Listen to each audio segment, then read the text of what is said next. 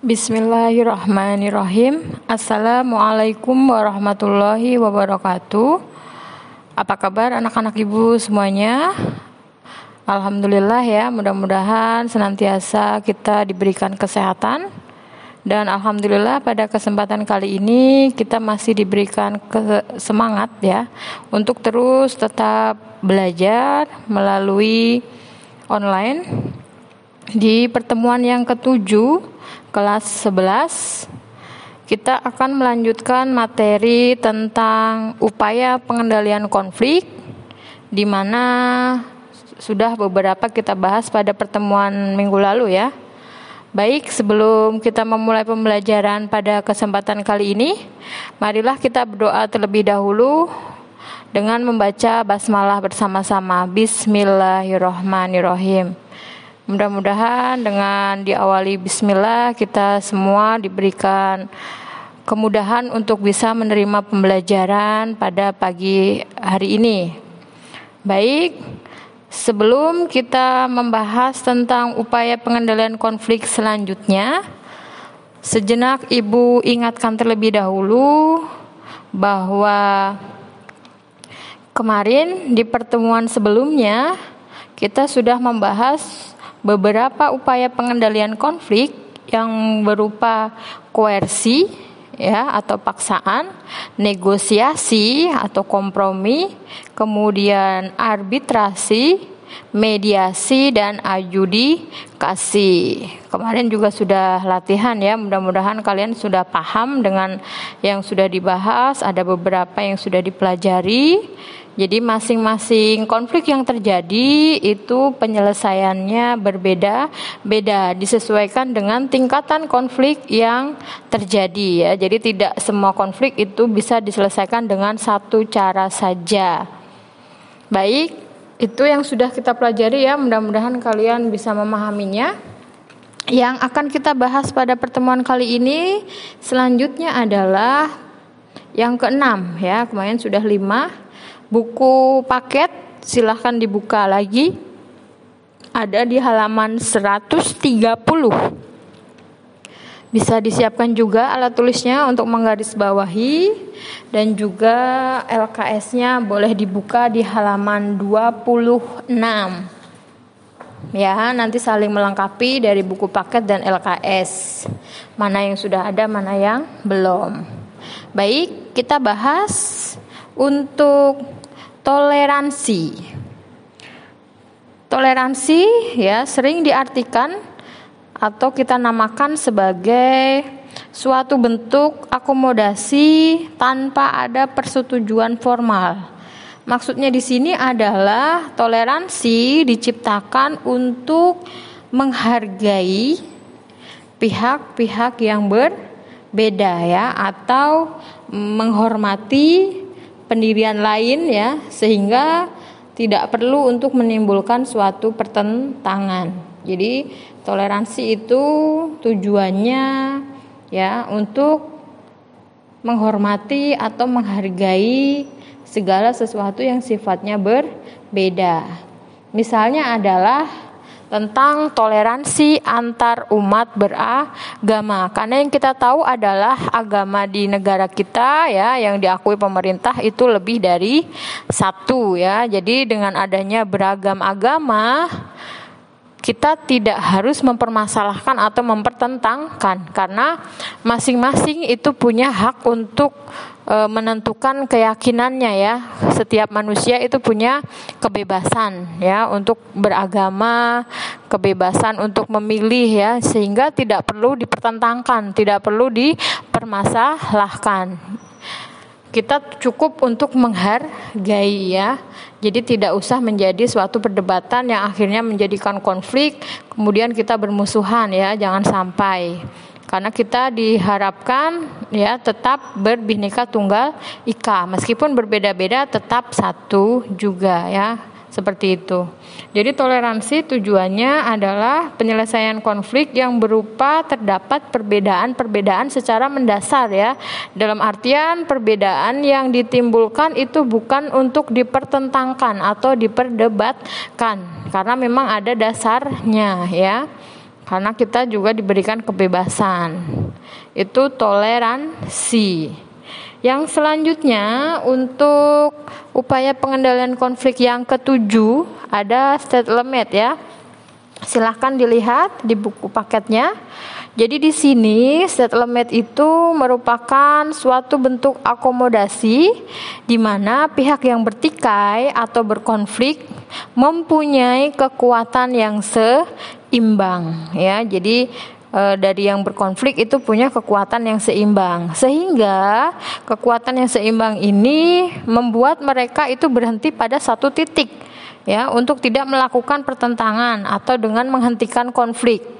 Ya, kenapa? Ya karena kalau dua-duanya punya kekuatan seimbang, mau dilanjutkan sampai kapan pun posisinya akan tetap sama ya, tidak ada yang menang, tidak ada yang kalah.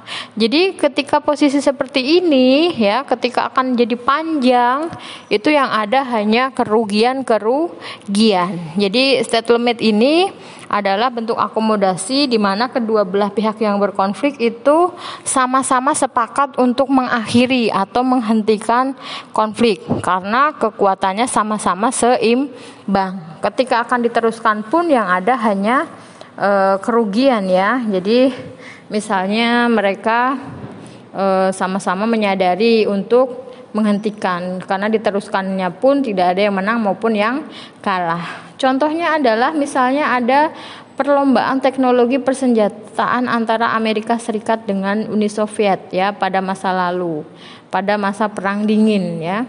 Konflik ini kemudian e, dihentikan ya karena sama-sama ada kesadaran bahwa di antara yang berkonflik itu kekuatannya sama. Jadi tidak ada gunanya untuk diteruskan dan tidak akan menguntungkan sehingga e, diakhiri dengan kondisi yang memang sepakat karena kedua belah pihak ya. Begitu. Itu yang stalemate. Kemudian untuk yang kedelapan perhatikan di buku paket ya. Ada konsiliasi dan yang kesembilan ada rekonsiliasi. Bedanya nanti di mana? Silahkan diperhatikan terlebih dahulu untuk konsiliasi ya pengendalian atau penyelesaian konfliknya itu dilakukan oleh lembaga-lembaga tertentu yang dapat memberikan keputusan dengan adil. Jadi eh, konsiliasi itu seperti mediasi ya ada pihak ketiga seperti arbitrasi juga menggunakan pihak ketiga tetapi pihak ketiga yang di sini ya itu tidak sembarangan. Jadi punya kewenangan.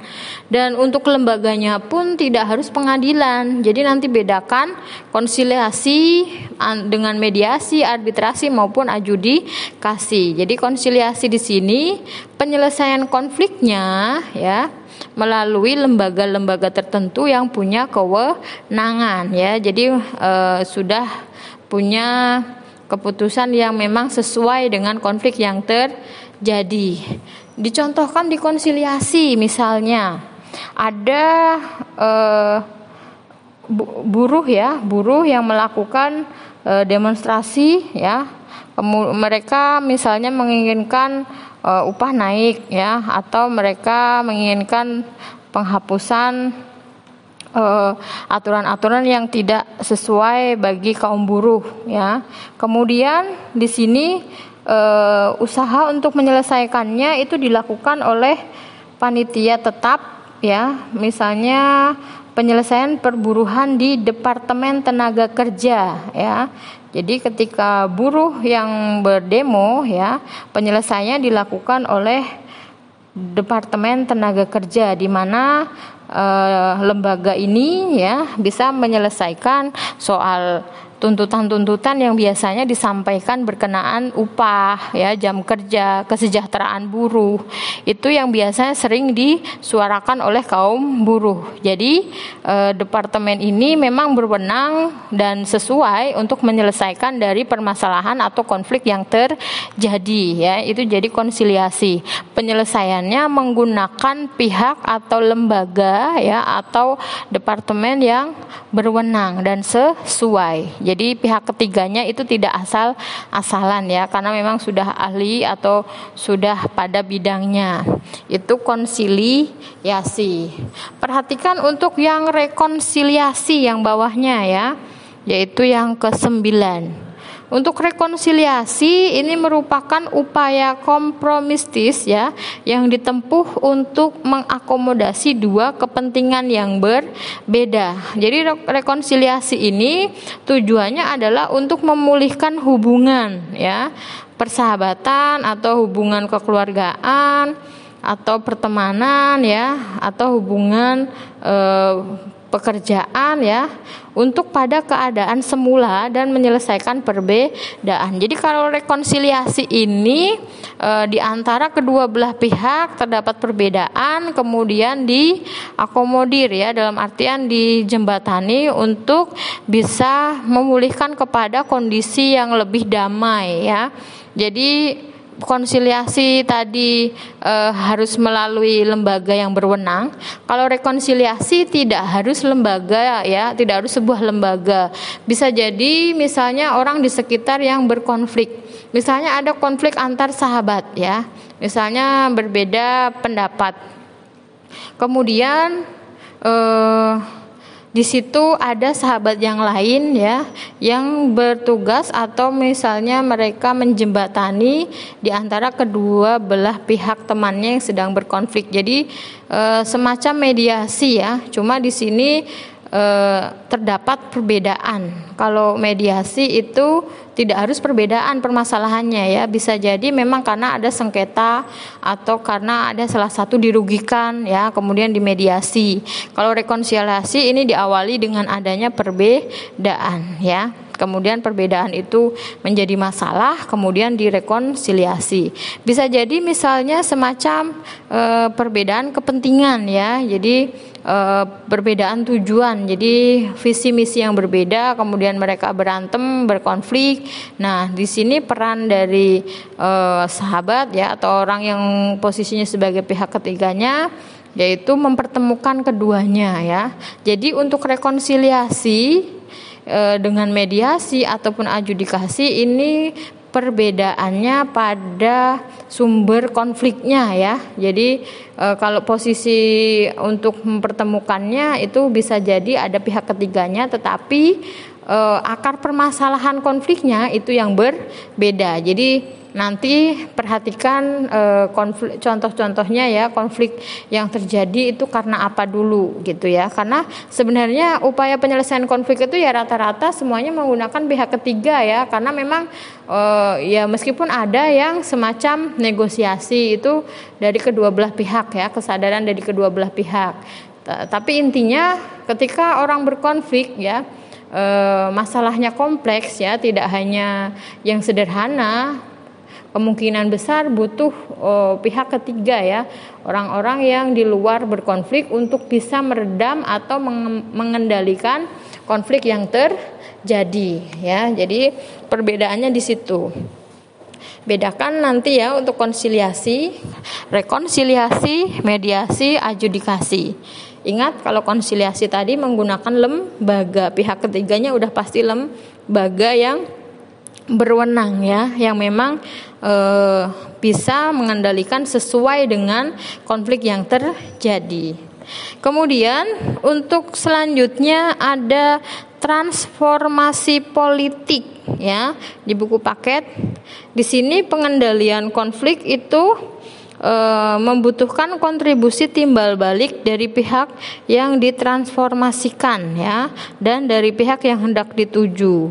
Di sini berkaitan dengan e, konflik pada sebuah negara ya, biasanya berkaitan dengan politik jabatan. Yang sudah-sudah misalnya berkaitan dengan e, keinginan masyarakat ya untuk menggulingkan suatu pemerintahan Nah, ketika e, ada cara seperti itu, itu termasuk upaya pengendalian transformasi politik. E, jadi, ketika ada e, keinginan masyarakat ya untuk uh, menolak atau memprotes suatu kebijakan kemudian uh, suatu kepemimpinan ya uh, ketika tidak bisa diatasi dengan cara baik-baik ya pada akhirnya di transformasi politik ini mau nggak mau seperti uh, menyudahi dengan menyerahkan atau mundur dari jabatan ya. Yang sudah terjadi ketika pada masa reformasi tahun eh, 98 ya. Jadi ketika itu pemerintahan Soeharto ya masyarakat sudah mencapai puncaknya untuk menolak ya bahwa tidak ingin dipimpin oleh Soeharto lagi. Kemudian masyarakat bergejolak di berbagai daerah dan pada akhirnya Soeharto e, mengundurkan diri ya lengser dari jabatannya. Itu yang berkaitan dengan transformasi politik. Jadi berkaitan dengan jabatan atau eh, kepemerintahan ya. Itu yang berkaitan dengan transformasi politik. Baik, untuk di buku paket cukup itu. Kemudian kita lihat yang di buku LKS ada tambahan lagi berkaitan dengan gencatan senjata ya. Itu juga termasuk penyelesaian konflik ya. Di mana ada upaya untuk e, menghentikan sementara ya konflik yang sedang terjadi biasanya ini berkaitan dengan perang ya. Jadi gencatan senjata ini penangguhan permusuhan atau peperangan dalam jangka waktu tertentu ya untuk melakukan suatu pekerjaan yang tidak boleh diganggu misalnya untuk merawat luka-luka, mengubur yang meninggal. Kemudian ada perundingan perdamaian, merayakan hari suci keagamaan dan sebagainya. Jadi ketika berperang itu ada aturannya ya, tidak asal perang. Kalau hanya asal perang sudah pasti akan banyak korban di sana ya. Jadi e, misalnya kalian dengar ada Palestina dan Israel ya, itu bisa diselesaikan dengan gencatan senjata.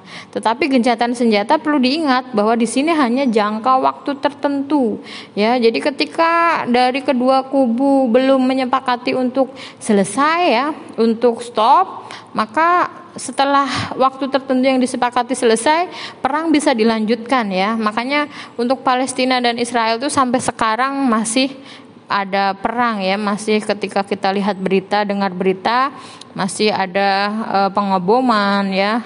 Kemudian e, korban berjatuhan ya. Itu bisa diselesaikan dengan gencatan senjata tetapi sifatnya hanya sementara ya. Jadi konflik yang ada kemudian kita upayakan untuk dikurangi ya atau bahkan bisa diselesaikan itu disesuaikan dengan bentuk konfliknya ya. Ketika berperang ya silahkan dengan gencatan senjata. Syukur-syukur setelah sudah jangka waktu tertentu disepakati kemudian dari kedua kubu untuk e, menghendaki selesai misalnya ya kondisi yang sama bisa stalemate seperti itu. Jadi e, tidak semua konflik itu diselesaikan dengan satu cara ya. Disesuaikan dengan konflik yang terjadi. Itu upaya-upaya untuk menyelesaikan atau pengendalian konflik. Jadi ketika konflik itu kita harapkan bisa diselesaikan dengan baik ya. Jangan sampai konflik dibiarkan berlarut-larut karena akan bisa memicu timbul kekerasan ya itu yang sudah kita pelajari di upaya-upaya pengendalian konflik. Mudah-mudahan kalian bisa memahaminya ya, bisa membedakannya mana konflik yang harus diselesaikan dengan upaya A atau konflik yang diselesaikan dengan upaya B ya. Karena konflik yang berbeda upayanya berbeda. Tidak semua konflik bisa diselesaikan dengan cara yang sama. Baik, untuk pertemuan kali ini upaya penyelesaian konflik ya. Yang kedua ini sudah cukup, sudah selesai. Silahkan nanti dibaca-baca kembali untuk memperdalam Kemudian jika nanti ada pertanyaan ya, akan kita lanjutkan di pertemuan ke-8 hari Kamis.